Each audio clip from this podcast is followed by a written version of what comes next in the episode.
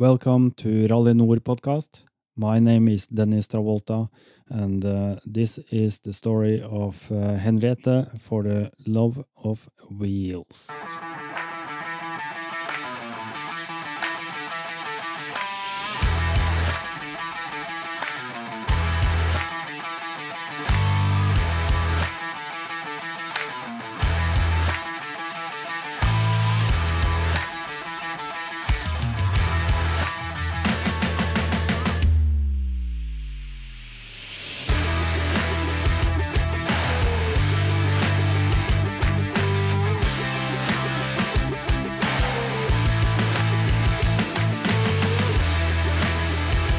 Starting off, and uh, for all you old listeners of this uh, podcast, uh, as you can hear, it's in English. And uh, today we are going to, uh, I'm going to introduce you to, uh, yeah, quite international, international motorbiker. It's an honor to have you here, Henriette Thank you. all the way from Denmark. Yes. Yes, but uh, you are closer now than you usually are. I am indeed. Yeah. I'm shortly home in Copenhagen. Yeah. Otherwise, I would be roaming in Kenya at the moment. But uh, I will be in one and a half week. I will be back in Kenya. Yeah. Okay, we are going to come back to why you have a short stop, I guess, uh, in Copenhagen at the moment. I think it has to do with some recent happenings. Uh, but um, first of all, um who are Henriette? The short version. Ah. Oh, wow. Yes, I am a, Danish lady. I'm 52 years old. I live uh, outside Copenhagen and and I, I'm born on the west coast of uh, Denmark um, by the sea. And um, I've been riding a motorcycle since I was 23. Uh, but it wasn't until I was about 35 that I really got into adventure riding and that I realized that I could combine my travel passion with my motorcycle passion. So that changed something for me. And um, normally at home, I'm just a normal Danish lady who goes to work. I work at IKEA and I'm happy about that. I have a little house and a garden and a cat and three chicken and I like my home life, but I've always, probably since I was a teenager, I've had a, a passion for traveling. Yeah. Um, and just seeing the world. So as soon as I got out of gymnasium, I went to Australia for a year, and I, I just never stopped spending my money on seeing the world. So yeah, that's So- my passion. So, uh, what happened? Why, why Australia? And and what were you doing there for a year? Was it like going to school, or did you just have to get out of home, or what? What was it? Yeah, I think uh, there was an element of getting away from everything, um, and just I think the the open wi- wide world just always appealed to me to to to not to go to school in Australia, but just to to travel, just to um, do whatever I wanted to do, and it's always been the way I traveled has been more or less without a, a, a program. Mm. Um, and um, yeah, I like that um, kind of open agenda. There's nothing I have to do, and and that's something I might mention later because I've lately realized like some things about why what it is that appeals to me about traveling. Mm. But um, yeah, I think there's a, a huge degree of liberty um, connected to it that I'm drawn to. And then I don't know. I guess some of us just have that uh, you know that travel passion Uh, there's always i can spend hours looking at uh, google earth and just like oh my god this road it's so remote you know it's somewhere in siberia i have to go there one day Yeah. and Yeah. then i just save points of interest so um, yeah my my my google maps is uh, covered in small red hearts of places that i need to go to one day in my life That's uh, that's uh, really uh, a good thing that you're saying that because I just talked to another guy. Uh, he's excellent. He's finding all these small roads in Norway, every little bit of uh, road that's possible uh, to drive on. He finds it. Uh, Wow. and and we were talking about that, and he said that yeah, yeah, you know, I I um. I just use my maps and I go there and I, if if I sit and I see some news on television or whatever, I pick up some some uh, some places. I just go straight into the map and I just pin it. And it, That's it- exactly what I'm doing as yeah, well. Yeah, And I, I, whenever I read a post from someone, it can be on Facebook or Instagram or on a website or whatever, and I see something that's like, "Wow, this road is looks crazy," then I immediately go to Google Maps. Yeah. And so it's Google Maps is my favorite app of them all. that's great. that's great. Okay, uh, so uh, actually, you have been uh, riding motorcycle since early '90s. Is that so? Yeah. Yeah. Yeah. And and what made you start with that? Twenty three years old, uh, just starting to That ride a such a- motorbike. Was it just for commuting, or was it some bigger purpose?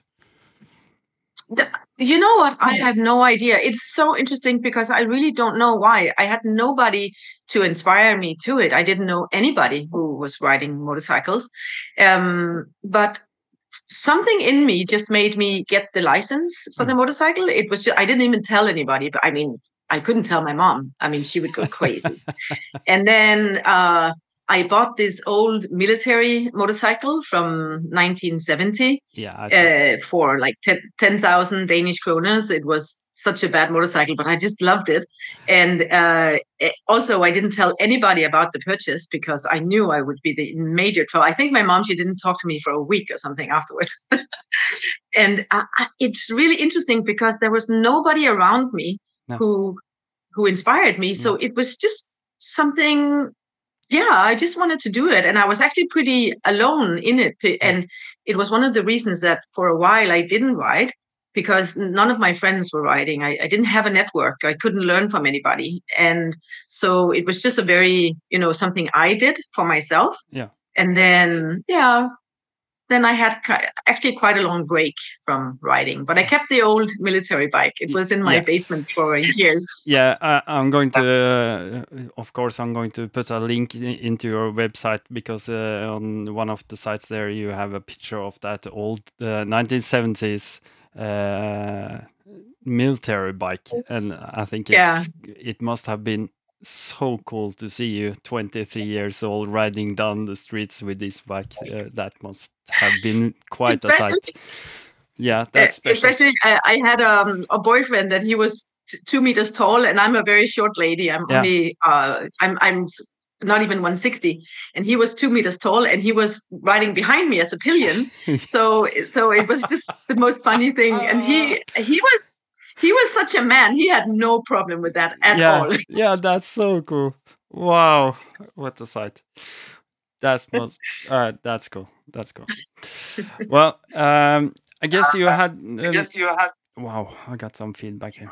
Um, I guess you had uh, some urge for traveling at a very young age as well, because you are mentioning that you went for these uh, road trips and stuff with your parents, I guess.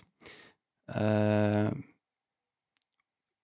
sitting in, I, I assume now that you are sitting in the back of the seat in the car and just looking out of the window and seeing everything just pass through.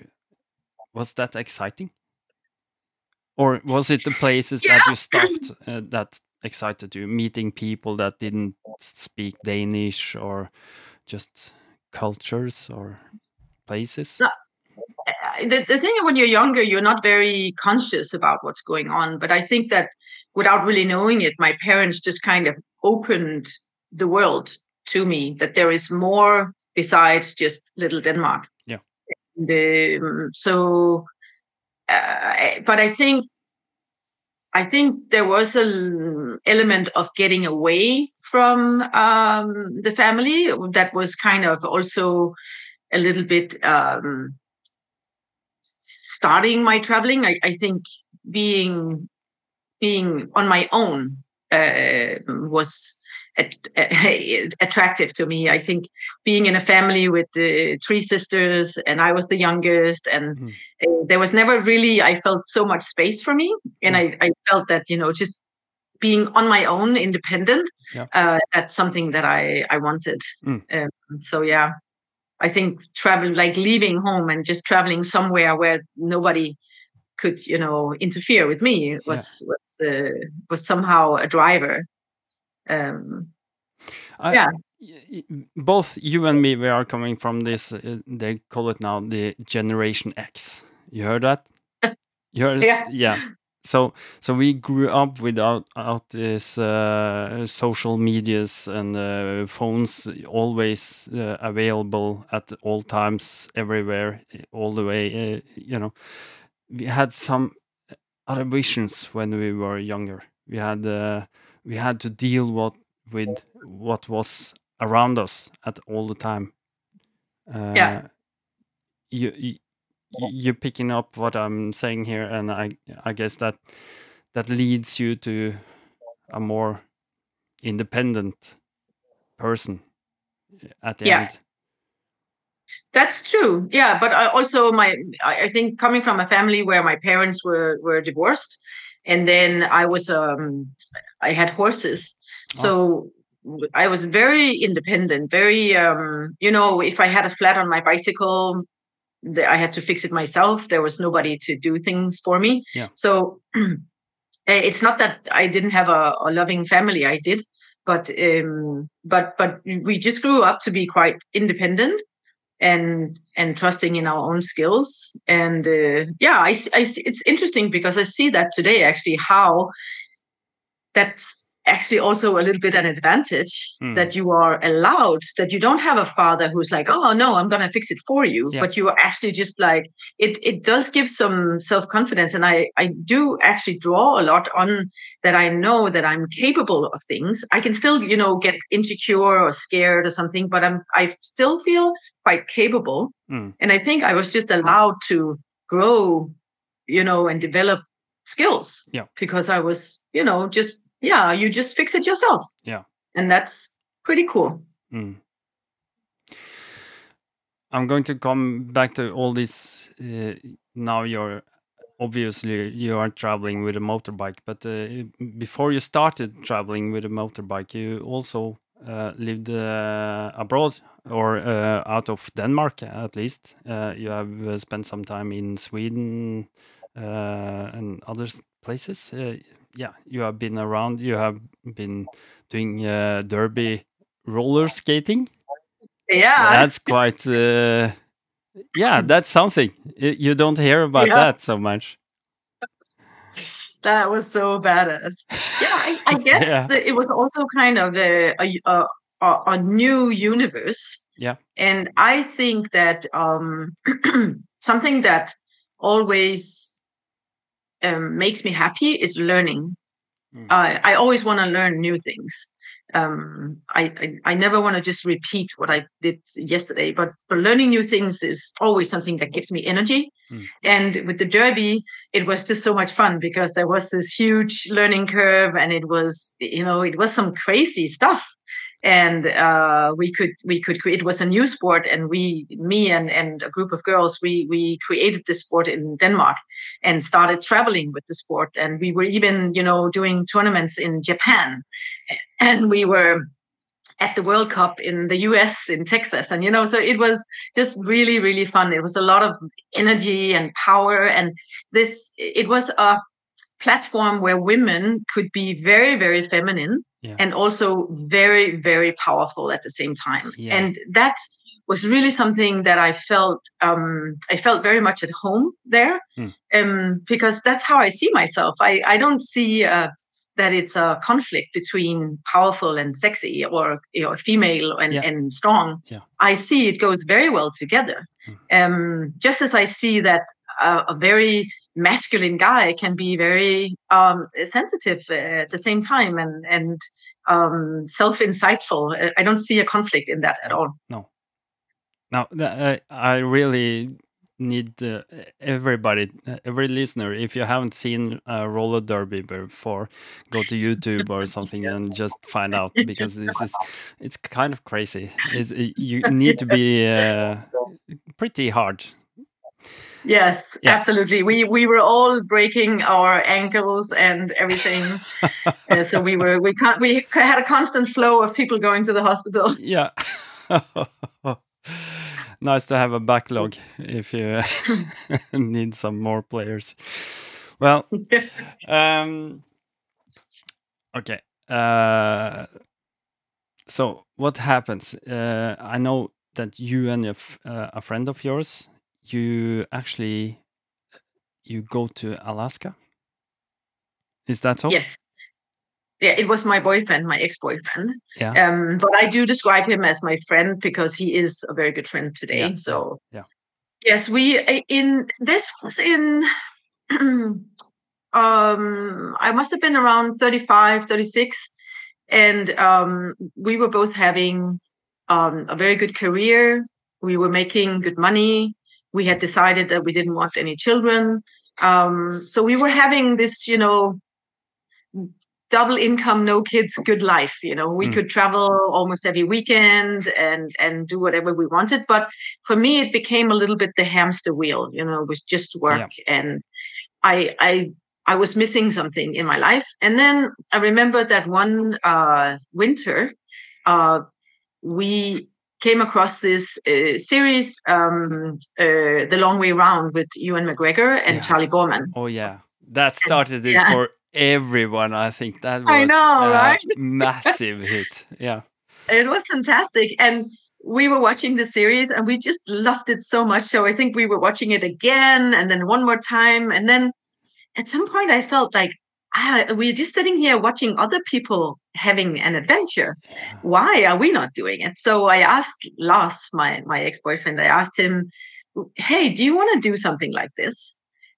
And it was really cool because he was not a very impulsive guy. No. he was a very stable guy um, but he just immediately said yes i want to do that.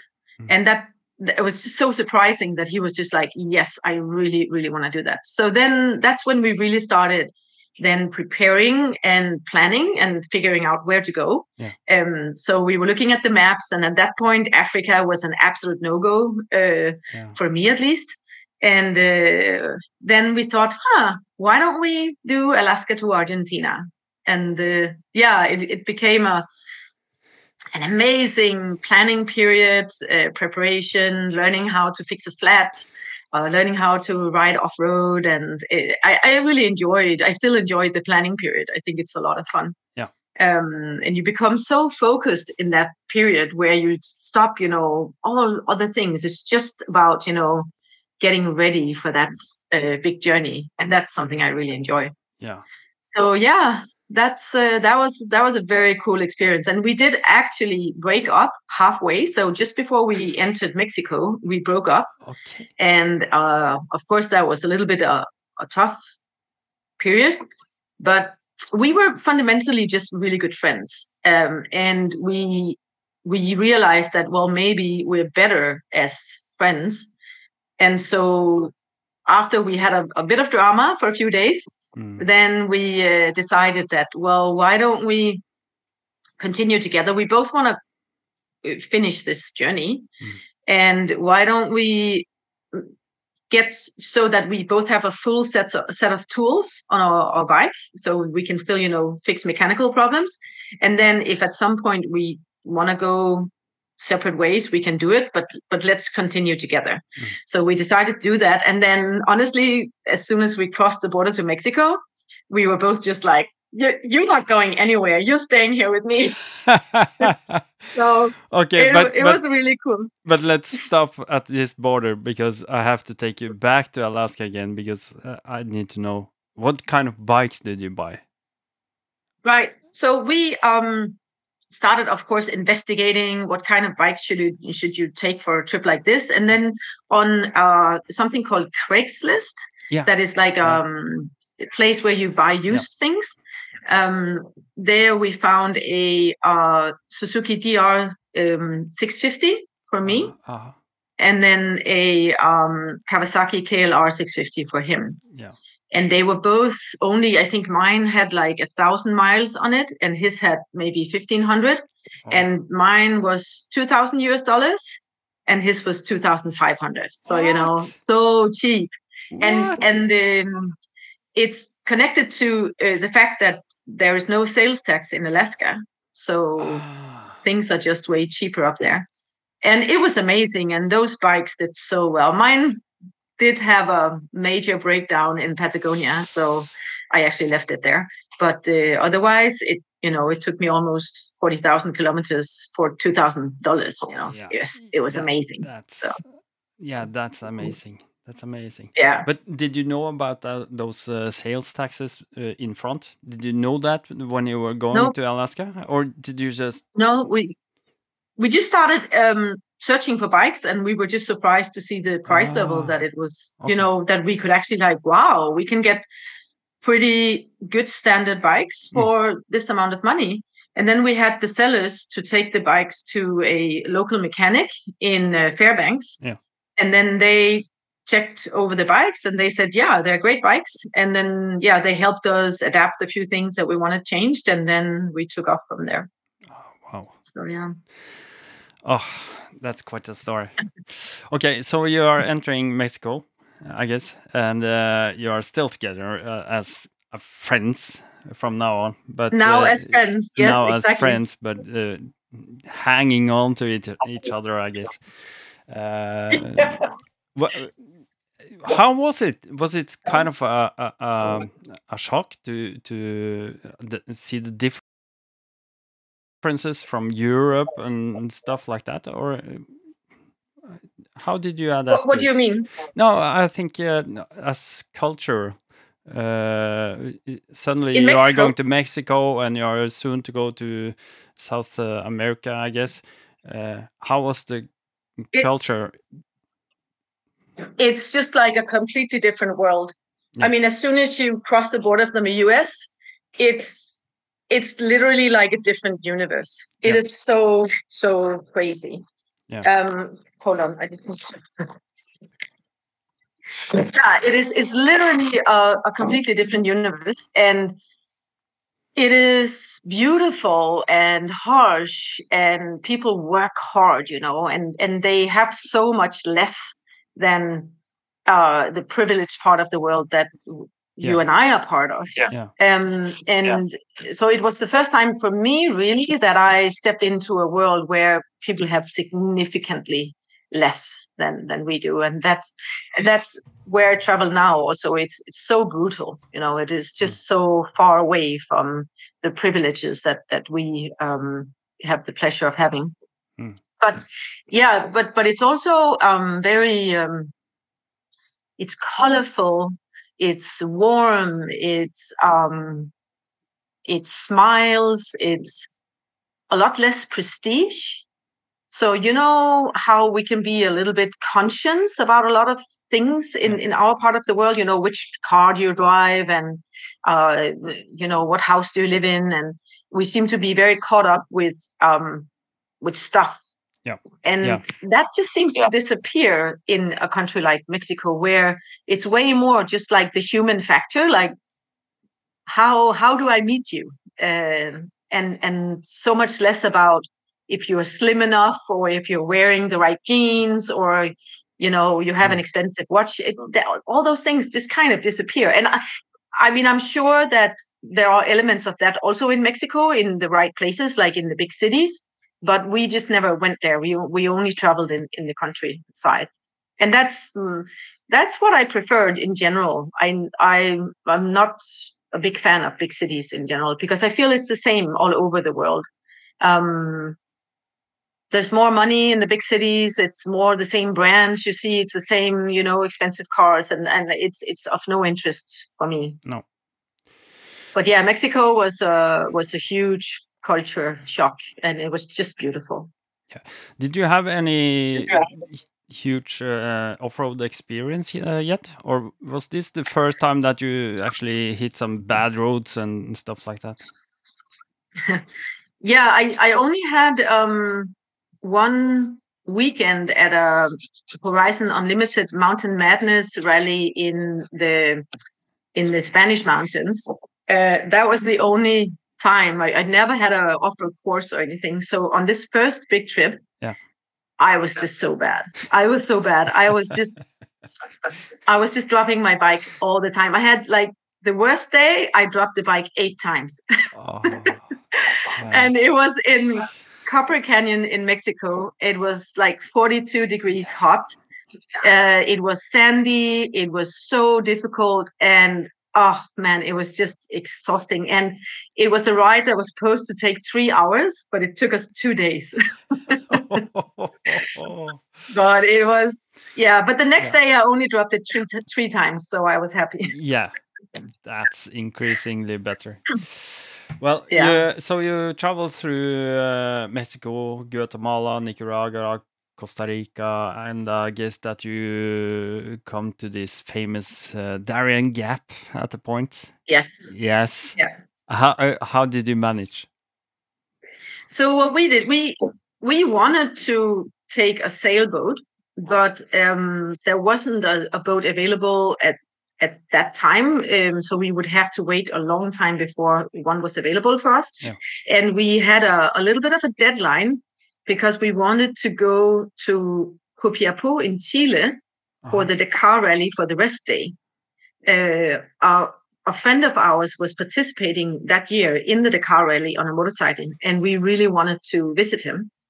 Uh, so we didn't have the time to to wait for for the sailing boat. So instead, we put the bikes on a cargo flight. Yeah, and then we flew in a normal uh, airplane and then we uh, we were able to pick up the bikes in the cargo um, terminal in in uh, Bogota in Colombia. Uh-huh. We were it was a little bit nervous because we um, they said, "Oh yeah, the, we're gonna fly the bikes today," uh, but then they didn't, and then they didn't fly them the next day either, oh. and then they didn't, and then they kept saying, "Yeah, yeah, they're gonna be flown today. It's gonna happen today," and we were uh, we didn't dare to fly to Bogota before the bikes. Um, we wanted to know that yeah. the bikes were not just kind of left left behind. Yeah. But then in the end, it worked out. We were waiting one day in Bogota and we were super nervous if they were coming. But then eventually they came and everything was fine. And yeah, it was. And you know what's cool about flying a motorcycle is that on a, if you ship something, that if you ship a motorcycle, you are the smallest, most insignificant thing on that ship if you fly a motorcycle, you are the biggest, coolest item on that flight. and all the staff are just going to think that that is the coolest thing ever. So, you know, the people in the cargo cargo mm. terminal, they were all like, wow, this is so cool. And yeah. but, yeah. but still, I, I think that you are suddenly uh, coming from Europe and European standards, you are thrown into something that we are not so used to, and it's it's all this yeah. waiting and and all yeah. this anxious waiting where you don't know what's going to happen you don't know yeah. if you have all the papers uh, paperwork's done and and stuff yeah. like that uh, that was a learning exactly. I, and, I, I, guess uh, that was a learning for you you know what that is a huge learning and it's very it's very precise how you describe it it's that waiting time it drives you crazy because first of all you don't speak the language very well mm. so you're not even able to ask the right question but also you don't know about cargo flights so even if it was my language i might not even be able to yeah. ask correct questions because you know if you're doing something for the first time you don't even know what questions to ask no. um, and but i think that that is the whole fantastic thing about traveling is that you are learning constantly yeah. and you're constantly realizing that things will be all right in the end mm. and that it doesn't help to panic it doesn't help to uh, stress about it because it doesn't change anything no. it just makes your day bad that's the only thing so it's better to just chill and kind of trust and then it always works out in the end. Yeah. Uh, you mentioned that you were supposed to meet a friend in, uh, or try to meet a friend in Chile that was going to ride the Dakar. Was this Yeah. uh, actually? Oh. Might this have been the first year of Dakar in South uh, America? Uh, uh, that's a good question. I'm not really sure if it was the first year. Um, yeah, I'm not sure about that. It Yeah. was in 2012. Yeah. And Yeah. um, so I think maybe it was the second or third year, but I'm not entirely sure. Okay. Okay. Okay. Uh, but it, Yeah. it it was really cool because we we we really struggled to make it there. We went through um so from Colombia we went into Ecuador, Mm. then uh, Peru, then we went to um, Bolivia, and in Bolivia we were there in the rainy season, and Bolivia is one of the poorest countries in the world, Yeah. and it is really harsh. It's if you get to a a petrol station, there might not be any petrol Yeah. or they might not have the license to sell to tourists or you know so everything just becomes really hard and uh, we were at this huge um, salt salt lake Yeah. um, which is up on the altiplano at i think three four thousand meters above sea level and uh, from there we were going straight to chile to get to the dakar rally and we thought we were going to go the fast way or the shortest way Yeah. which ended up being definitely uh, not the fastest way because it was straight through the, the desert. And but what we didn't realize was that the desert was wet and it's uh, salt. And Ah, uh, so, bad so first of all, we so first we had to wait three days to even leave uh, the the town of Uyuni because they didn't have any petrol there.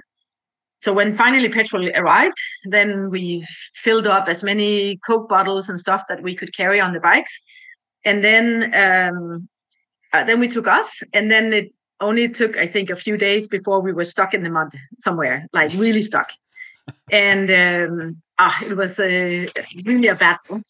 And then you know everything just like once we got out of the mud, then Lars had a flat, and then uh, we got to the border in Chile, and we were sure that in Chile we could get petrol because Chile is quite developed, Yeah. but there was no petrol.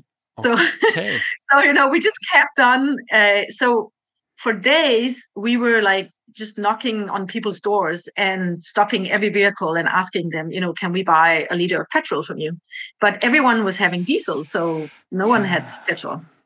And despite all these obstacles, we just like finally made it the night before uh, the rest day at the at the Dakar rally. So we were actually able to go visit him, and it was funny because we thought that we were just going to the fence of the bivouac Yeah. and just you know wave at him. Uh, but he actually managed to get us uh, press cards. Ah. So we were invited into the bivouac and saw his camp, and uh, you know it, we just walked around with him and saw all the stars. We were standing at the there was like a briefing. They have a briefing every evening Yeah. before the the next day's ride, and they go through the the race and. Um, and we were standing next to Marc Coma, who was number one at Yeah. that year, you know, and oh, it was so cool.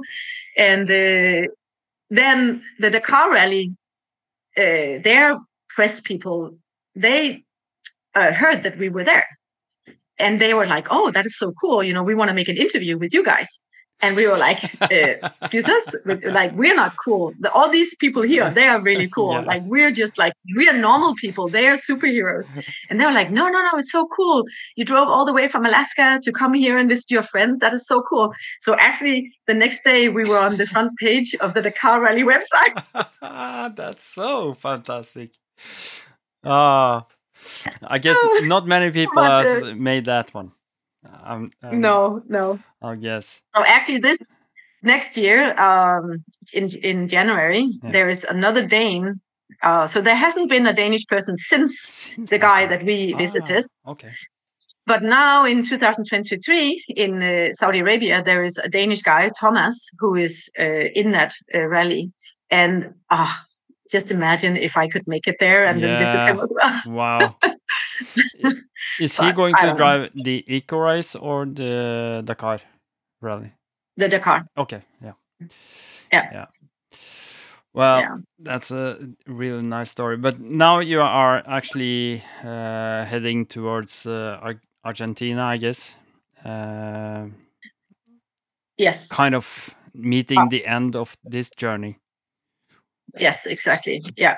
Mm. Which is a long way down through a lot of nothing because Patagonia is just just wind and mountains. I hear strong wind. Yeah, crazy wind. Actually, yeah. yeah, yeah, yeah. But and it's interesting because honestly, it made me reflect. Like, why is it so important to go from the top to the bottom of America, you know. And I think it's part of our culture that we we like to have these destinations and we like to yeah. we like to say, ah, I'm going from there to there. And I drove 40,000 kilometers and, and it's yeah. very much part of our culture. And um, but what I realized really is it doesn't really matter. No. It, it's really the moment and it's the it's it's how how you connect to the people you meet mm. it's whether you you know stop and talk and you hang out long enough to to actually uh, connect mm. with anybody mm. because you can just drive and pass by everything and yeah you made it to Ushuaia but who cares you know what yeah. i mean yeah, it's yeah, like yeah. It, it is really so much more the moment than it is about the destination. Mm. But we, t- I mean, even now, I also make it a little bit about the destination. You know, I because we can't help ourselves. We we like that, but I think I have now managed to combine it with traveling very, very, very, very slow. Yeah. So I mean, that's why I've already been on the road more than two years, right? And it's crazy, really. But I just like to be very slow. Mm. I think, um, yeah, I think we are going to get back to that because uh, now you're ending this journey. It's uh, you have been crossing uh, two continents, really, uh, and that's all about. That's what you were talking about. It's uh, in our mind just to cross a continent, uh, not be crossing around in a continent. I guess but uh, somewhere you your bike breaks down when you yeah. when you get there or just before you are at your goal just in the in the middle of nowhere in the middle of patagonia we couldn't yeah. be further away from anything and uh, the second gear uh, breaks at 100 oh. kilometers an hour and the engine just literally just blows up uh, so yeah we we had it we, we towed it out of there and then to the nearest town and then i got it on a truck and took it to the to the coast where there was a mechanic and he was also just like the thing was that we only had three weeks left of the trip uh-huh. and uh, we were going home soon and to get parts to argentina is not easy yeah. they they're very um they don't like to import anything no. so it would have been expensive and it would have been taking more than three weeks just to get it fixed. And then also now I didn't want to take it home because I would probably have paid more than yeah. two thousand dollars to ship it home.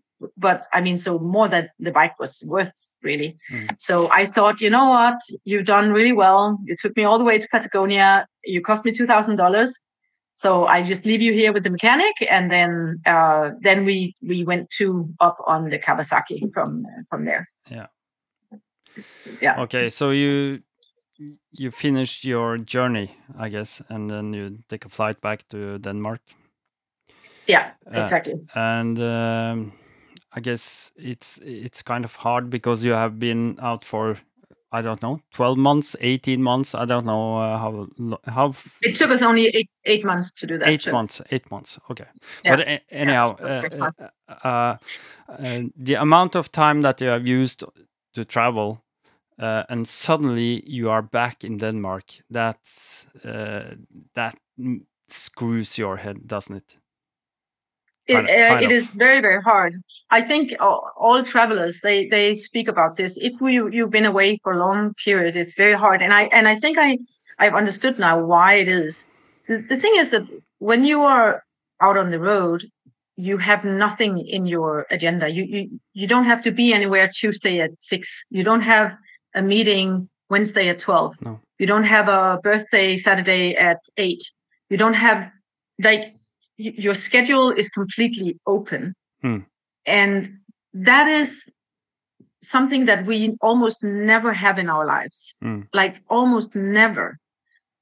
And to be in a state for a long time where you have absolutely nothing in your schedule, I mean, it can, for me, it can be something like, well, at some point I need to make a new visa application. You know, it's on yeah. that level. Yeah. It is otherwise everything is just you just you're just a human being and you're not a human doing. Yeah. Because I feel that we are so much human doings. We always have a to-do list. Every day we have a to-do list. And at some time during the day, we have X amount of meetings or things we need to do, and we have sports at seven. And and to be on the road, it's just this extreme. Yeah, you just float somehow. do I you- don't know. Do you have a a higher level of existence when you're just a human being like that? I mean, uh, is is uh, is the world that surrounds you uh, a lot more close to you in in that environment when you are not supposed to do every everything every hour, but just uh, being like that? I think it's um it's a very good question actually. I think that the what it allows you to do is to stay in whatever let's say I I rem- I remember very clearly one day on the road, uh, my my mind took me back to some to a situation from my childhood, Ah. and it was uh, a situation that made me very sad to think about. And I was thinking about it the entire day, and I, you know, I was just sitting on my my bike, I was just crying and just staying in it. And how many days have you ever tried where you can stay in one thing the entire day?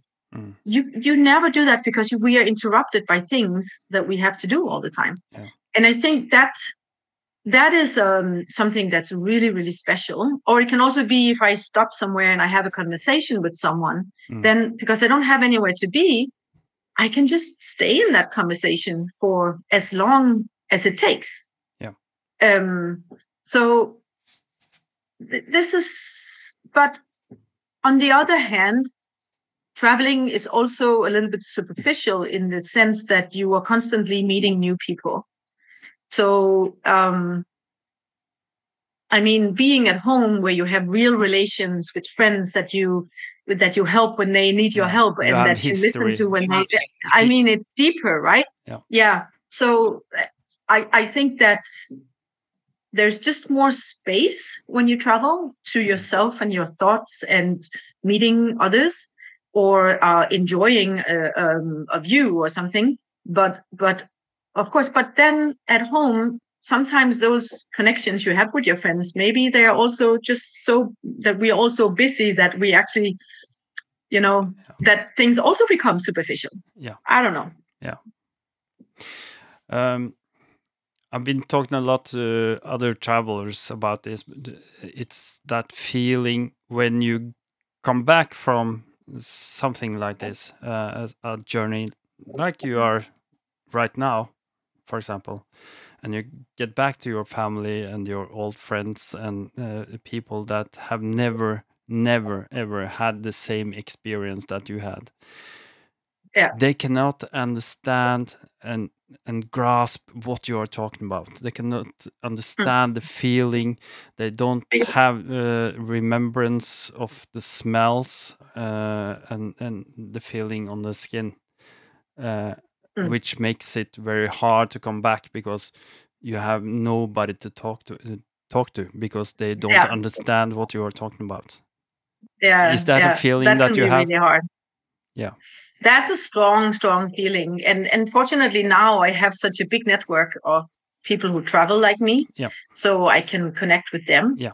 and i i have also accepted that um that my friends they they will not they will never understand this and No. it's okay and uh, yeah what but um, honestly this time when i was home i did some presentations i did uh, six presentations for for quite big groups of people Mm. and um, both my friends and, and family also came to those presentations and that was actually really really cool Wow. because for you know two hours they were just listening Yeah. and and seeing the pictures and listening to music and and listening to my story and that was quite powerful Yeah. um because and otherwise you know when we get together we never they never get that and and afterwards a lot of them they were like wow you know i get it Yeah. i i understand it and and even persons who i thought would never say this to me they said hmm they said actually that that would be so cool i will never do it but that would be that i i can really see that i would you know dream of doing it but Yeah. i don't think i will ever do it Wow. but uh, yeah it was nice for me to be honest to to, to do those things that made a, a big difference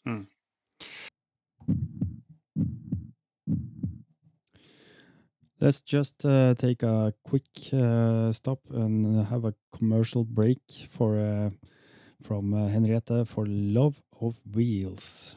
Just to tell you that uh, this episode is brought to you by patrons, and uh, therefore the rest of this commercial will be in Norwegian.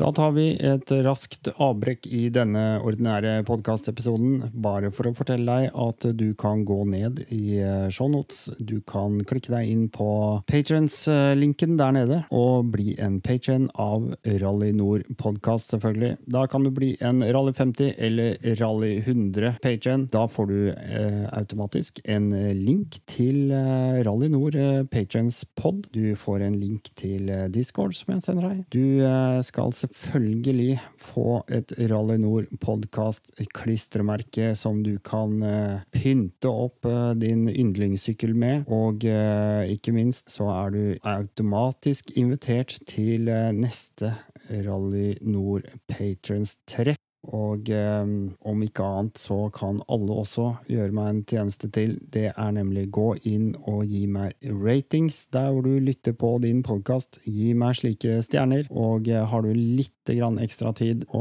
avse, så gi meg gjerne også en eh, omtale. Det hadde vært veldig, veldig hyggelig. Alt dette altså til prisen av eh, to eller fire liter bensin i måneden. Tenk litt på det. Okay, and uh, now back to Henriette for the love of wheels.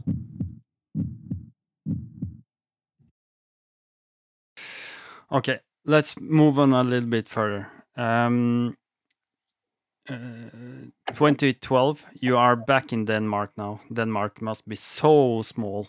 I'm looking at the world map right now, and I can see like Yes. Denmark. Yeah, it's that little tiny little. Oh god Yeah, uh, and you are back there. Uh, you and Lars, you have, uh, as you mentioned, you have broken up. Uh, you are just now really good friends, I guess. Uh, and uh, but you have still got that taste. You got that urge for more, didn't you? but it was interesting because I didn't when I come back. I was very tired. I was really actually exhausted from the first trip. Uh, For me, that trip was too fast. Mm. Uh, doing forty thousand kilometers through fifteen countries in eight months, it was way too fast. Yeah. For my perse- personality, and um, so I, I realized that that that is not a speed of traveling that I can do. Um, for longer, you can do it if you do a three week trip. Absolutely, you can do it Yeah. but when it's over a longer period it's just exhausting Yeah.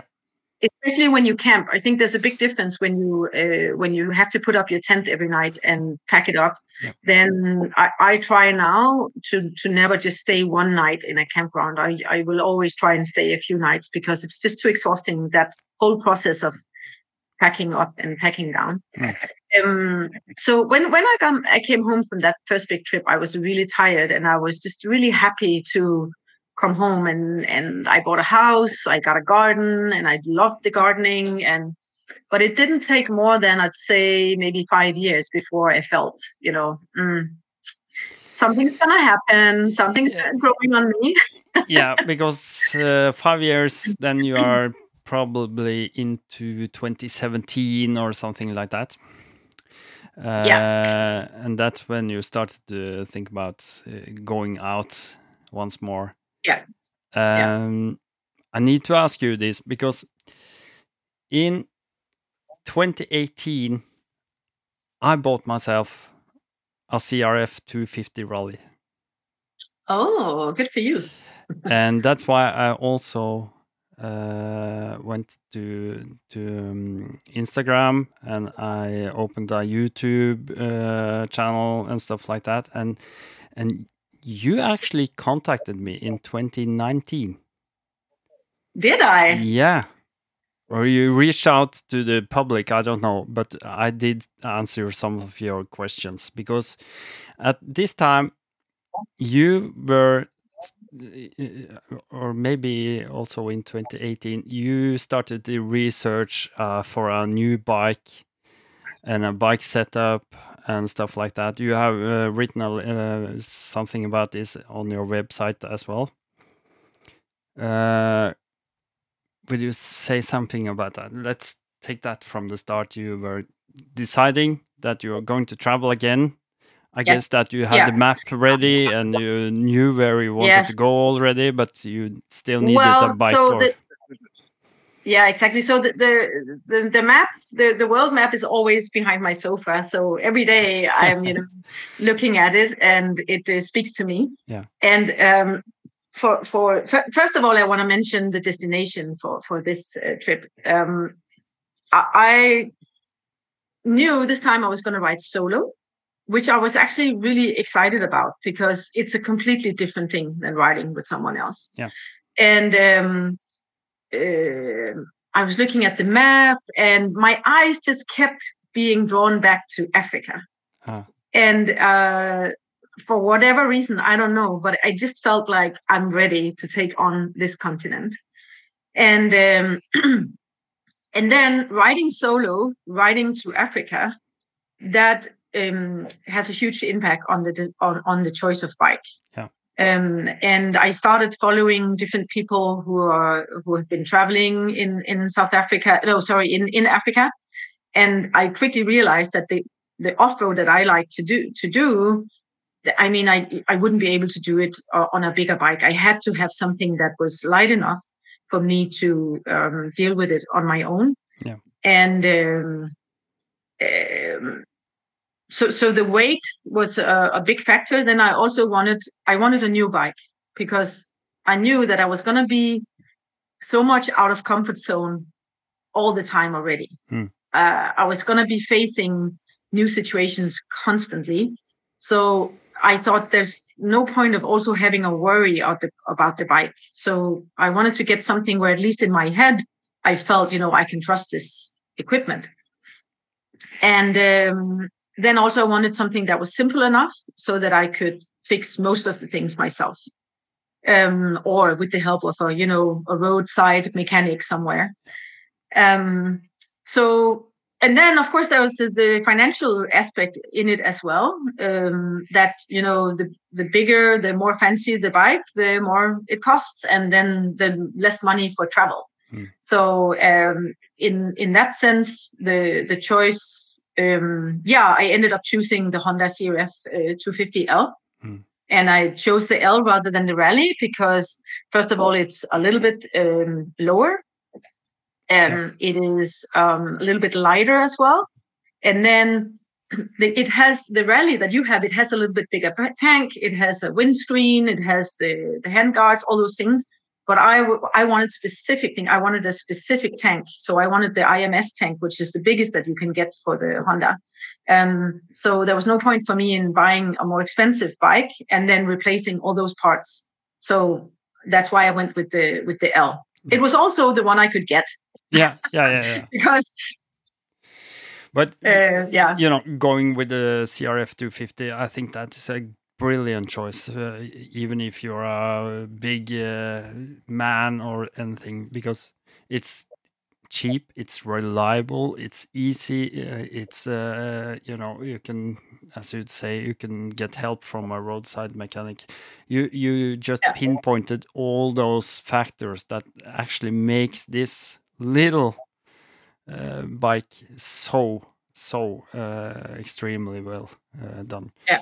It is so good. Yeah. and and also uh, one thing that i realize now is that in africa i'm on the biggest bike. Yeah, That's cool. You know, so so you you're you're not missing any recognition because you get loads of. Everybody wants to, you know, sit on my bike, and if they get to try it, which I let everyone try my bike, they're just like, "Wow, this is so cool! We could never afford this kind of bike." And yeah, You know, I think the last bike I would ever choose choose to go to Africa with would be a 1200 uh, GS Adventure or anything huge like that. Anyway, because you, can I? Yeah, Yes. Can I just share a story? Yeah. Uh, I was in Zambia and I met a lady from South Africa. She was on a, a 1200 uh, GS, beautiful bike. And um, she was only riding asphalt. Yeah. She, she didn't like to go off road at all. Um, but I was going off road into a, national park and um, we checked with the locals. They said, well, you know, this road is easy. You can both go there if you want. And she was kind of, "Mm, I want to go with you. So she went with me, but it was going to be, you know, dirt road all the way. And uh, it wasn't a difficult uh, dirt road at all. But sometimes, you know, sand builds up Yeah. on the road. And yeah, it is what it is. And uh, she crashed there. And I think we were going maybe 80 kilometers an hour. So it wasn't super fast, but it was fast enough for her to really damage that bike. That bike was damaged on every side, on left side, on right side, on the top. It was unbelievable. And but there was nothing wrong with the No, no. motorcycle. Yeah, it's it's bulletproof. It's it's okay, but The- you know, it's yeah heavy. yeah but but no but but uh, the, the damages were only to the it was to the uh the panniers to all the plastics every piece of plastic on that bike was broken but the motorcycle itself Yeah. had no damage at all and you know what happened the the insurance company decided to write off the motorcycle because of the freaking plastics Yeah. Wow. can you believe it no. it's uh, crazy. yeah. Uh, it, I, I mean, for me, it just I, I still cannot believe it that a motorcycle. It, there was nothing wrong. The forks were fine. yeah. The, the handlebar wasn't bent. The engine was fine. Nothing was wrong. Only the freaking plastics. These are just some small fractions of what makes my head turn round now these days that we are talking about uh, economics we are talking about uh, uh, power supplies and everything and and you just writing off uh, uh, something like that just not changing the plastics or the the, the cases. Yeah, that yeah. that makes me just go what, what are we doing what are we doing What are we doing Yeah. exactly? Yeah, But- but yeah, I think the Honda is just a, a very uh, sensible, Yeah. really good choice, and I I am having so much fun on that bike. Yeah. I'm like really. So I'm not missing any fun. I really miss mine. I really miss mine. I sold it off uh, one year later just to trade Oh. traded it off to uh, uh, 701 long range. You know, the, with the Oh. double tank. With the, uh, have you seen that one? Oh, Yeah, that's oh, I haven't seen it, but No, it sounds pretty cool. 777 pieces made, I think. Only 777 uh, was made of this bike. Uh, enough, Oh wow. eno- enough of my bike. Uh, let's get back to you. Um, I think be uh, let me be a little bit bold with you here, okay? Um, because uh, we have a tendency to sit back in our homes, all us regular guys, and thinking, oh, being a woman going alone to Africa, uh, that's no go. Mm. How did you build up the confidence and and the and the you know the toughness to just choose to go there? Because I I guess you have all the good reasons, but but uh, uh, for tell me for or tell the listener Yeah. for those who are okay. anxious of this. Honestly, I think if I hadn't done the first trip from Alaska to Argentina, th- this trip would never have been possible for me. No. Because the I think that trip was all just a huge preparation for this one. And one of the things that I learned over there was first of all, the world is way better than its reputation Yeah. like a million times better so and something that i stopped years ago i, I do not watch the the news No. i don't read newspapers uh, so i simply don't get that massive influx of the world is dangerous and this is something that's very difficult to do but why do i need to know that a bus drove over the side of a road in india you know i don't need that information it's not relevant for me in my life and I think the media just constantly tells us how dangerous the world is. Mm. But it's we forget how many people survive in the world every day. You know, we're not speaking about that. That's true. And it, it, it is it is just a weird thing. I just think that there's no money in saying, ah, everything is good. Yeah. And that's what it's all about. Um, so that's the first thing. The other lesson that I learned on that first big trip was that um, all the things that I was afraid of or worried about, they never freaking happened. No. They never happened. Something else happened. But why would I worry all the time if those things that I worried about, they never happened? It was just a waste of my energy. So, and and then I also realized that the things that did happen, everything worked out in the end. Yeah. It, it is highly unlikely that you die. You might get uncomfortable. You might get sick. You might get um, uh, cold. You might get, you know, in, in a not nice situation. You might end up in a jail somewhere where it's Mm. not too fun to be. Mm. But and even that is very unlikely. If you look at the percentage of travelers Yeah. who end up in a jail, if if you calculate the percentage, it is ridiculously small. Yeah. You know, and um, and we we tend to be afraid of of things out of proportion. Like the the thing that kills people the most in Denmark is, uh, you know, outside like lifestyle um, things like smoking and drinking, is traffic. Yeah. Traffic is actually The- a place where people get killed. Yeah. None of us are afraid to go out in traffic. None of us So true. and it just it just tells me that and and you know when i was traveling to morocco uh, and i spent six months in morocco because i was i was stuck there when they closed their borders um people were terrified because there were two uh there was a norwegian uh, lady and a danish lady who got Yeah. um, killed there Yeah. and it was a terrible terrible thing that happened there but what we don't talk about is that in the same time frame a Japanese lady was chopped to pieces in Copenhagen, and uh, an Italian guy got stabbed in Copenhagen. So that the same num- number, so two tourists were killed in Denmark, two tourists were killed in Morocco. If we look at how many people travel, how many tourists travel to those two countries, Morocco is a huge tourist destination. Yeah. So that it, it, we should be afraid of walking around in Copenhagen, Yeah. but we're not. You know, so it's just really for me, it's all about statistics. Breaking it Um, down to common sense, I guess. Yes. And now I want to say something which is maybe not so popular, but uh, you asked me a bold question, so I'm going to reply in a bold way also. As a woman, the place where you most likely will get killed is by your partner. Yeah. Th- that is just numbers. So it's very, very rare that the boogeyman comes by and kills you. Yeah. every year in Denmark, 12 women are killed by their partners. So it is like the, the absolute biggest reason for women getting killed. It is some kind of partner uh, issue. And so, so honestly, when, when my friends warn me, I should say, "Oh, are you going home to your husband tonight? You know, be careful." Which, of course, I don't because that's ridiculous. But, but yeah, it is all about what is the likelihood?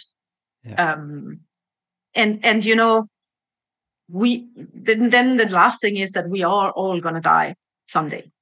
That that's the only thing that's guaranteed in our life is that we're all going to die. And if i'm going to die on a beautiful dirt road in namibia rather than sitting in my sofa watching a television program about someone else driving their bike in namibia then honestly i prefer to do it there you know?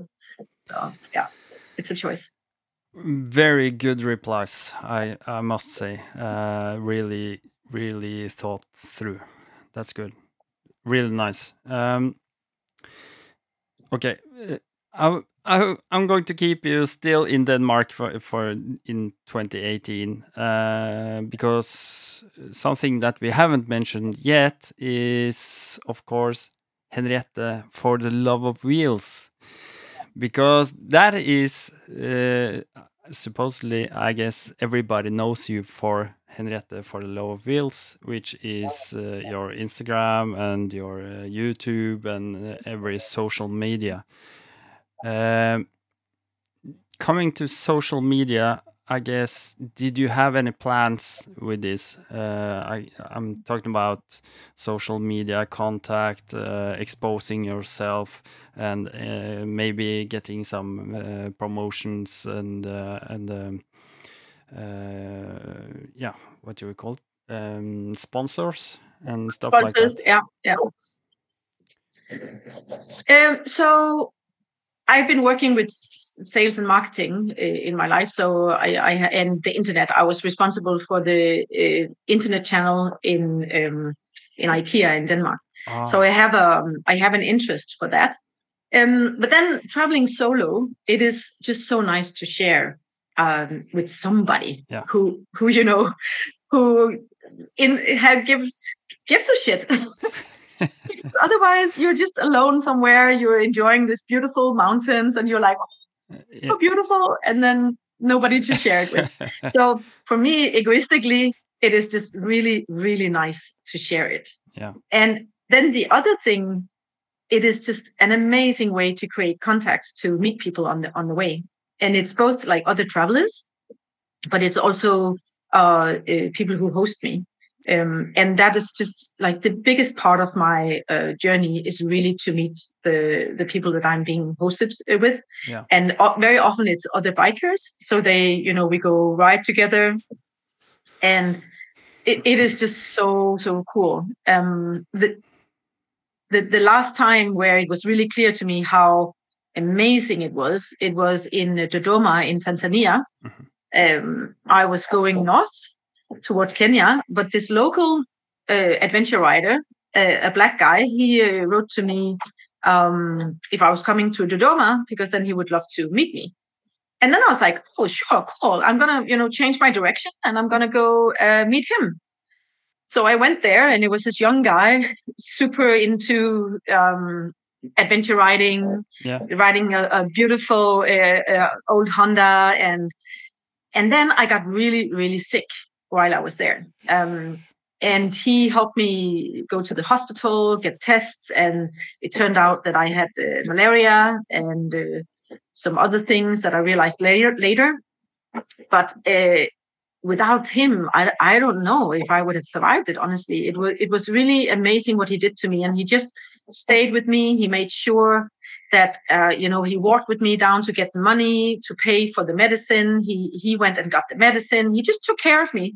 It was so amazing and i met his family and i hope to go back now and visit him ag- again because i mm. have all these presents for him. Yeah. but um, so you know it's also the thing is that you might be a solo rider but you don't want to be alone. No and there's a huge difference. And, and that's really what i felt that oh my god i'm not alone. There's actually people out there who care who i'm doing who want to help me when i need help. And then the next day um, two other um, travelers it's uh, charlotte and david they're traveling in a, in a big truck. They just went I don't know how many kilometers to come and get me and help me because I needed to get to to, to Kenya. Yeah. Um, and then they helped me. So he was riding my bike, and then I was in the truck with her, and you know it was just amazing. So this network that you create, it's not only exchanging knowledge and someone can help you with like where is the nearest mechanic or where can I get new tires. It's also just really good friendships uh, that you can create and and yeah so that you're not so alone i guess it's also a window into your life and you have i guess you have must have thousands of viewers out there uh, either they just uh, come across your site or some Instagram and uh, any at any kind, and uh, it must be kind of for safety as well as you're talking about now.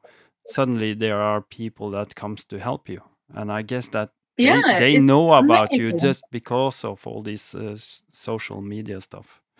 Yeah, yeah, exactly. So I have other travelers who write to me, oh, you know, I'm getting close to Malawi. Do you want to Mm. try and meet up?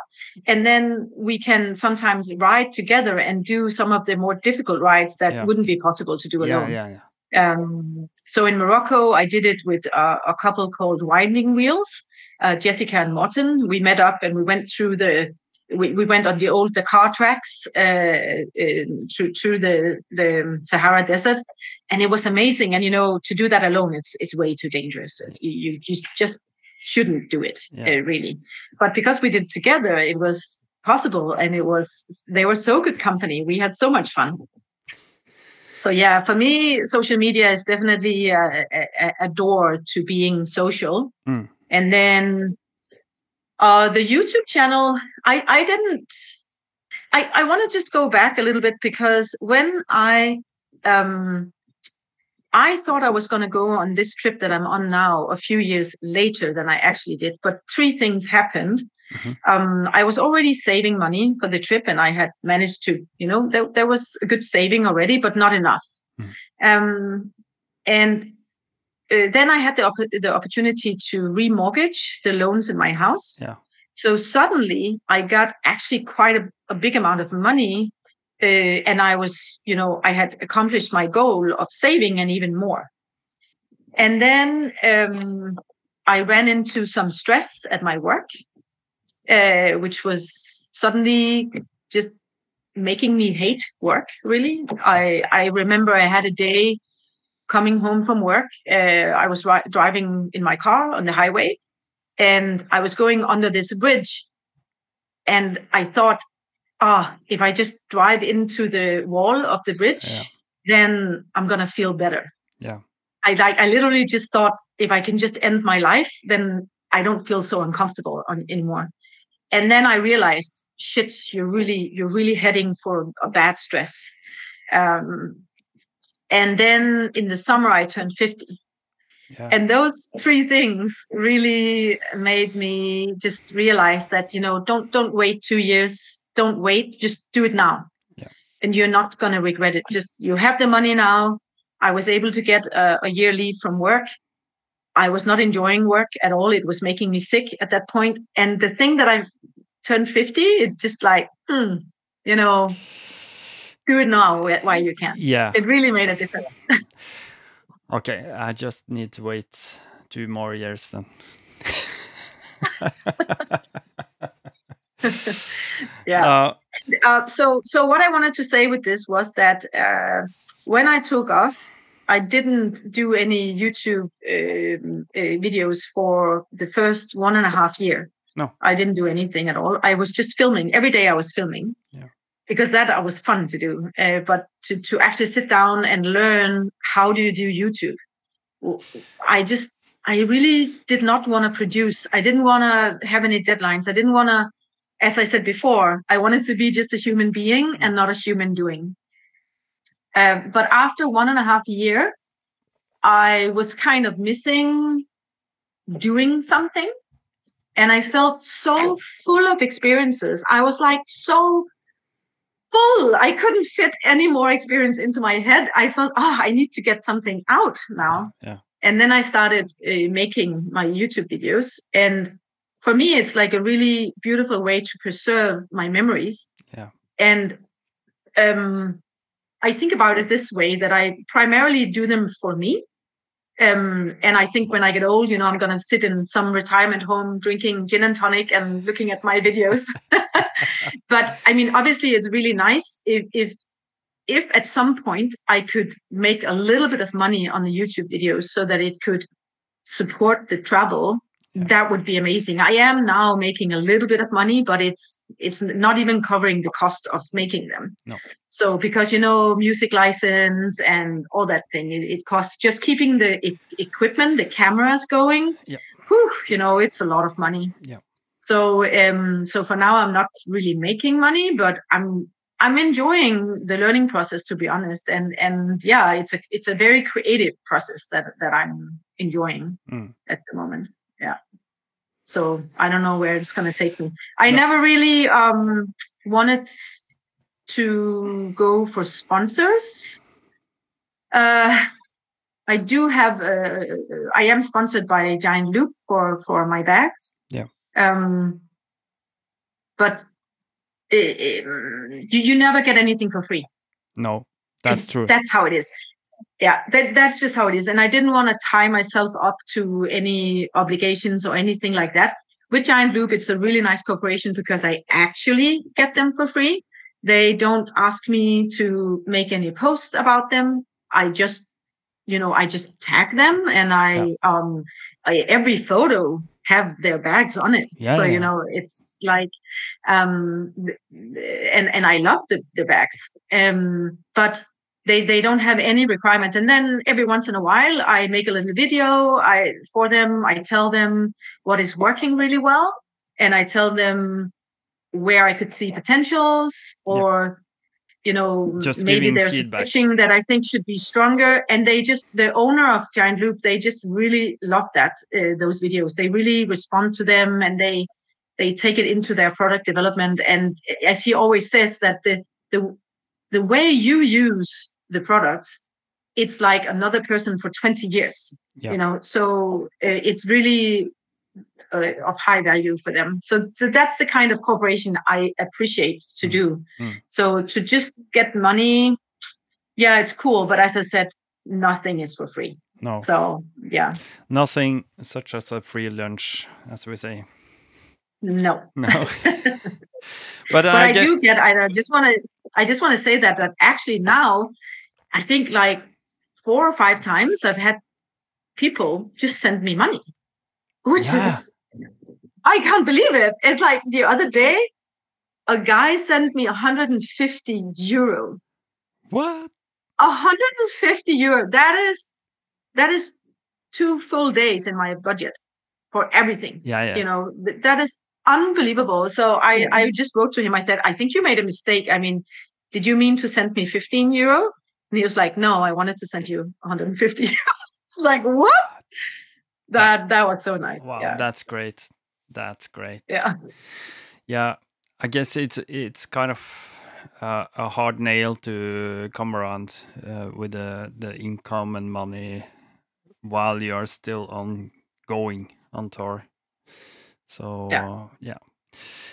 Um, well, I guess we have been uh, we have been uh, skipping from and to in Africa. Um, I don't know. Maybe do the shortcut now because uh, have you been staying up north or uh, in mid Africa all the time? no but why don't i uh, just take you through the entire yeah. route of this uh, trip Yeah. so i i took off on the 1st of august 2020 and then i uh, went up to north cape um, went through beautiful Norway, which was a, an amazing experience. And then my goal was to then, or my the idea was to drive down the west coast of Africa down to South Africa, and then come back up the east coast, Oh. and then drive through the Middle East on the way home to Denmark. So that was the you know the easy drawing on the map Yeah, yeah, yeah. but um and i did manage to of course i i took off in the middle of covid so for every border crossing i had to figure out you know is it open Mm. am i allowed to cross do I, what are the requirements do i need to go in quarantine do i need to get tested blah blah blah and um uh, i made it up to north cape came down to europe uh when i got to italy i realized there was actually a ferry to morocco which was a surprise because the ferry from Spain was had been uh, closed, for a long time. yeah. But but from uh, uh, Genoa in northern Italy, there was a three-day ferry to Morocco. Ah, So after really struggling to to get a ticket, it was very very difficult. I managed finally to get it, and then I got myself to Morocco. So that was like you know, wow, I'm finally in Africa. And uh, then two weeks later, Morocco closed all their borders. Wow. Uh, completely. And then I was stuck there for six months, which was first, you know, like, oh, I want to ride down the west coast of Africa. But Morocco wasn't the only country that was closed. Many of the countries Yeah. were closed all the way down the, the west coast. So um, actually, it was just a gift. And what happened, it, it it took out all the speed of my travel Yeah. it just completely removed the speed and i haven't been able to pick up speed afterwards Yeah. I, i'm now just super slow and it's really nice um, and it, it just forced me to just explore morocco and listen i was on a dual sport bike. In morocco it's it's a dream really and uh, it allowed me to go forth and back. Then I was on the on the west coast, and then I got an invitation for a wedding for a wedding on the uh, on the eastern side of Morocco. So I I, just you know in a few days I just crossed the entire country to join a, a wedding, Yeah. and then I got an invitation for another wedding, and you know I just went wherever, you know, and it was beautiful, I've just beautiful. seen so many of those pictures, and it's all smiley faces, and it- it's it looks like a, such a good time. Really, uh, really. Yes, it really was. Yeah. Yeah. And I- I think that it was actually what I needed hmm. because I had been in that work situation where I was actually suffering from stress. Yeah. I think it was a gift for me that I was forced to just be slow. Yeah. Because actually, it's what I needed. Mm. So it, it was really a blessing that I was there. And it also enabled me to uh, make real friends with Moroccans. Yeah. Uh, and uh, yeah, the the Moroccans have a very hospitable culture, but to really make friends with them, um, it just takes a little bit of time. And I think it's the same, you know, to make Yeah. friends with a Norwegian person, Oh, you, yeah. you need to invest time. And and but that was just really um, a, a beautiful, and it, it enabled me also to ride places where most people would never have time to go because a lot of people go maybe three weeks or something to Morocco. Yeah. And you can do a lot in three weeks. It- it's great to go there, but to, to spend six months, you can really go some extremely remote places in the Atlas Mountains, Oh yeah. Far, far uh, in the east, where nobody goes, and it's just really, really such a big experience to go there. So yeah, that was that was a blessing, I'd say. But then when they finally opened the borders again, they only opened north, uh, so the the borders south were still closed. And of course, my visa was out, so I was forced to leave immediately. And then I thought, okay, let me try and see if I can come down Africa on the east coast instead. So I I thought, okay, that'll be nice because that will take me through the Balkan countries over the summer, which would be a, a nice thing. And then I wanted to then head to Turkey, then Iran, then Saudi Arabia, and then cross over to Africa that way. Uh, but then I enjoyed Balkan over the summer, and Balkan is unbelievable. Um, but then Omicron came, Yeah. and then the world just went in panic again. And at this time, when I was just actually looking at the Turkish border, um, Iran was still not issuing any visas. And now Omicron was coming. And then I knew it's going to be, you know, Yeah. at least another half year before they're going to start giving out any visas. So I thought, okay, you're just going to be stuck in a new place now. So then I turned around the motorcycle. I was literally looking at the Turkish border.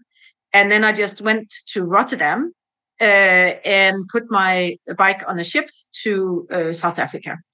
Because I thought, just get yourself to Africa now, because the world is going to close down in a second. And um, yeah, nobody knew at that point was what was what happening with Omicron. And then I flew then down to to South Africa. So the bike arrived in Cape Town, and then I picked it up there. And then that then suddenly a completely new leg of my journey started because now you're in real Africa. and that is a very different thing than Northern Africa, but uh, just beautiful. And then I went three months in South Africa. I went to Lesotho, Swaziland, uh, Mozambique, uh, back to South Africa, then Botswana, then Namibia. Then I went up to Angola, which was unbelievable. Mm-hmm. I was very scared of doing it because it's a place nobody travels to. Yeah. Um, and then I came back uh, down to Namibia, went to Zambia, Malawi, Tanzania, and now I'm in Kenya. Yeah. So from there, I'm going to head north uh, and then uh, go through the Middle East on the way back to Europe that's the plan. This would be a lot easier if I could point out on a map. So I guess uh, for all my older listeners, I also I also uh, always urge them to find the Google Maps in front of Yeah. uh, starting to listening. But but that's yeah. Different, uh, difficult if you are driving car and listening at the same time, I guess. Exactly. Uh, but uh, it's it's such a story, and if you pull up this world map and you start looking at all these places now, yeah, I think you are counting thirty-seven or close to 33. forty. 33 countries. Okay, thirty-three. Yeah, yeah.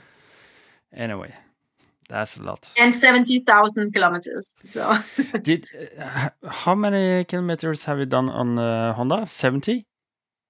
70,000. Yeah. Yeah, wow, that's great.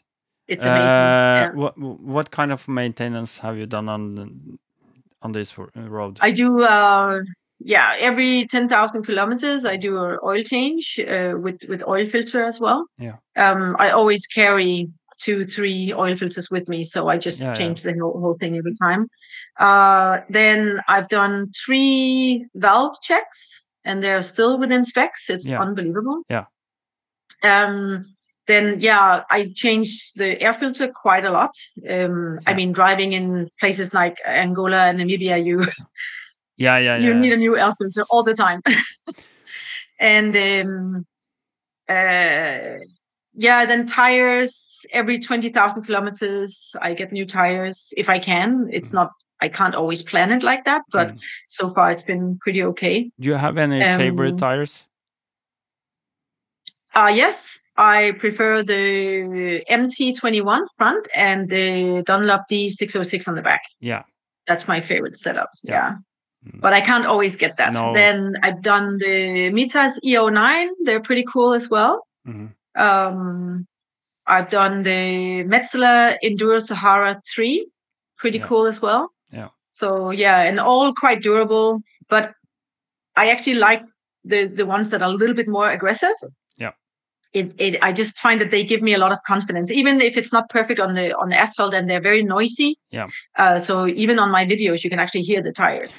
Um, but um, but I just feel that they give they give me so much confidence Yeah. as soon as I'm off road. So I just like that. Yeah. Absolutely. And then what else? Uh, chain and sprockets. Yeah, chains them by myself as well. Mhm. Um, otherwise, yeah, I think that's it. Okay, but uh, for now you have left your bike in Kenya. Is that so? Yeah. And uh, just now, I think it's time to just take us a little bit through what actually happened in Kenya that need, yeah, made you uh, have to leave now for now. Yeah, well, um, uh, the real reason is a little bit boring because it's actually because I had to deal with some administrative things at home, Boring. bank, and yeah, I know, yeah. no, no, I'm um, just kidding. just kidding. at the same time my um the i still have a house in denmark and Yeah. uh, a couple from the us have been living in my house and Uh-huh. paying paying the rent uh, which is important because you, you need to you, need to have as few costs at home as possible Yep. and so they were moving back to the us so i needed to find new tenants and um, then also i got really sick from malaria and uh, I got a blood infection on top of it, and I also got dengue fever at the same time. So I got everything. Yeah, How and um, is- it's inter- Yeah. it's interesting because it it's not until now that I really realized how sick I actually was. Um, uh, when I came home, I just wasn't myself really. I was really besides myself. Um, and I guess that's what fever does to you. But the dangerous thing with malaria is that um, the parasite enters your red blood cells and then they explode from the inside. And so it means that you're losing blood very, very fast. So within a few days, your blood percentage just goes down. You, it's liters of blood that you uh, that you are, are suddenly losing, Wow. and then you have less blood to the, the red blood cells. They are the ones that transport oxygen uh, to to all the cells in your body, Yeah.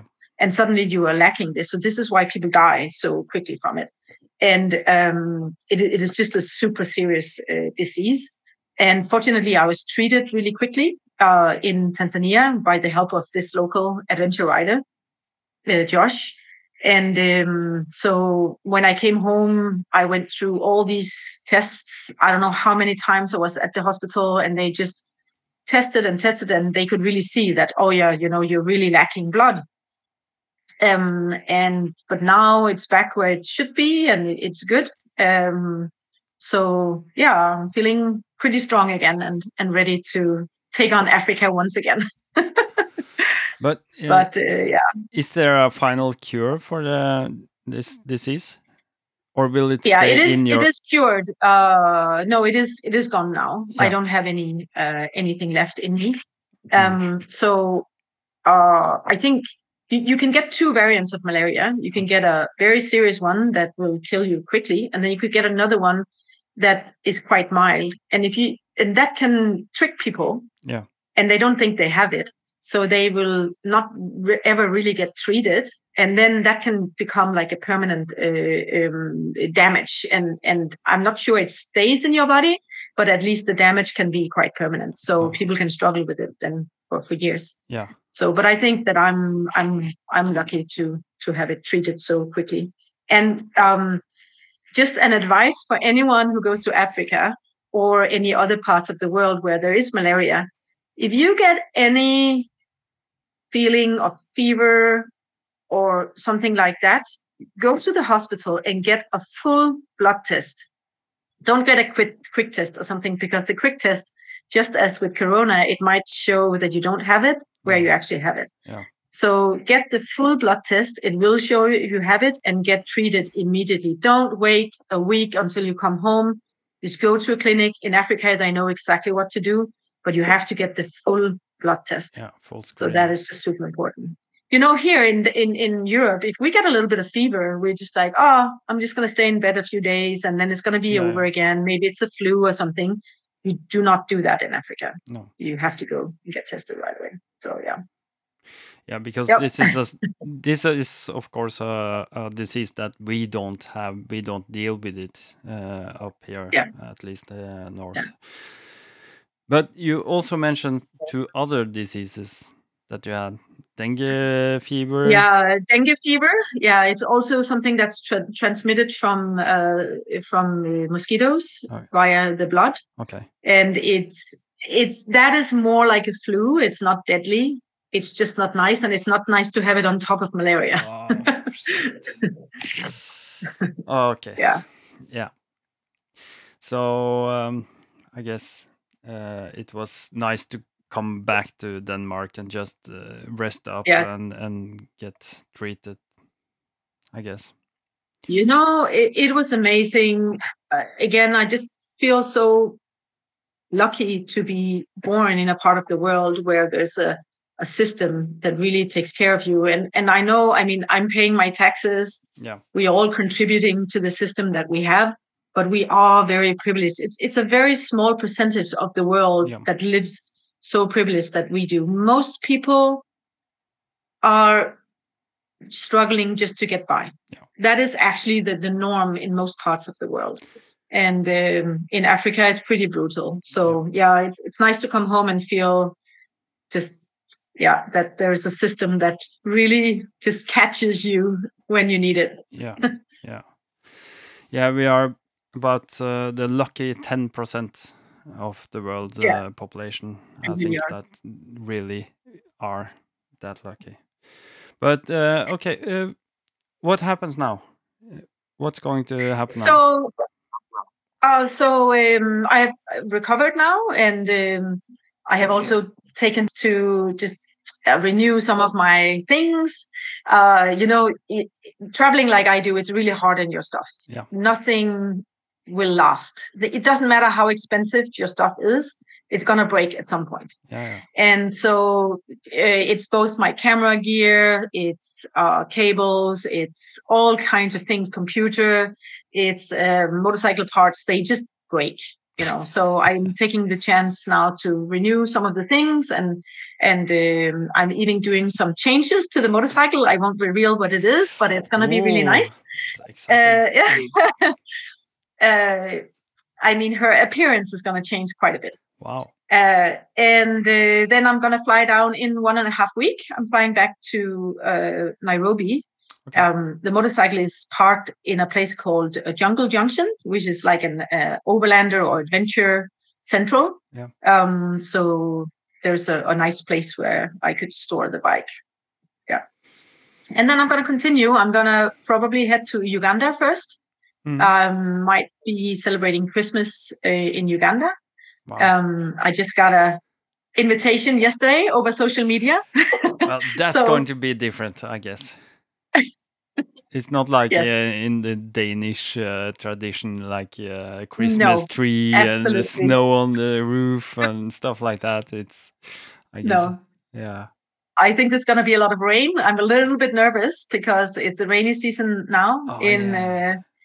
Uh, in that part of Africa. So, oh, um, yeah, uh, that that's going to be a challenge. yeah. I'll, I'm sure you'll manage. I'm sure. I hope.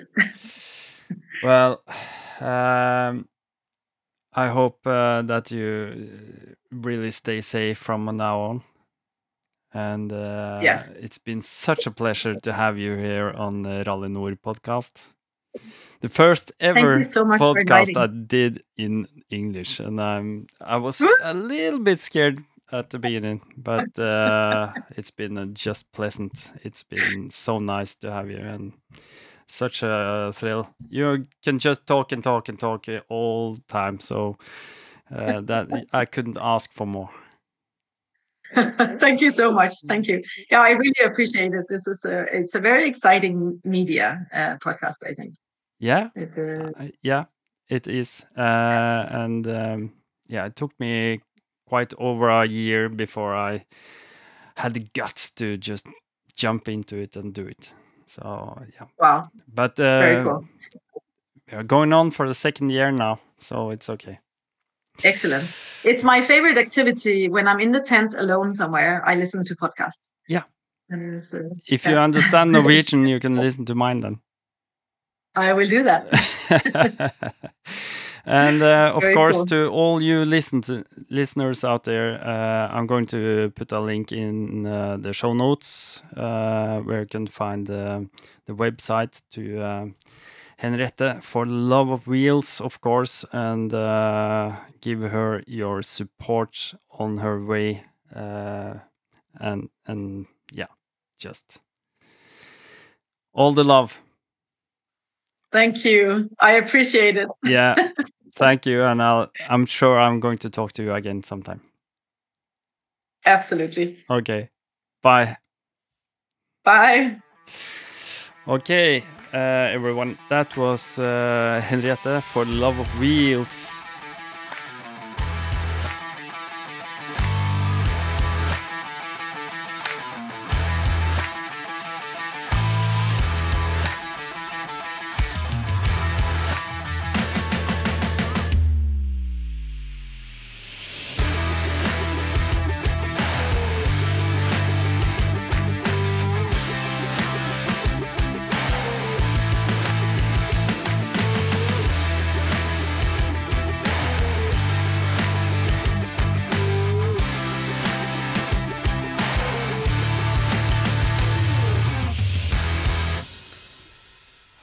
det er Geir Uklesa fra Offroad Touringklubb. Jeg skal montere nye fothvilere. Men det er jo en fjær inni der som har en tendens å sprette ut ved montering. Hvordan skal jeg få den på plass? Sett fjæren i skrusikka eller med en tang og klem fjæren sammen. Stram så et kabelstrips rundt ørene på fjæra. Da er det lett å montere på plass.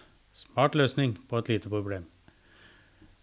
På www.otc-mc.org kan du lese mer om mekketipset.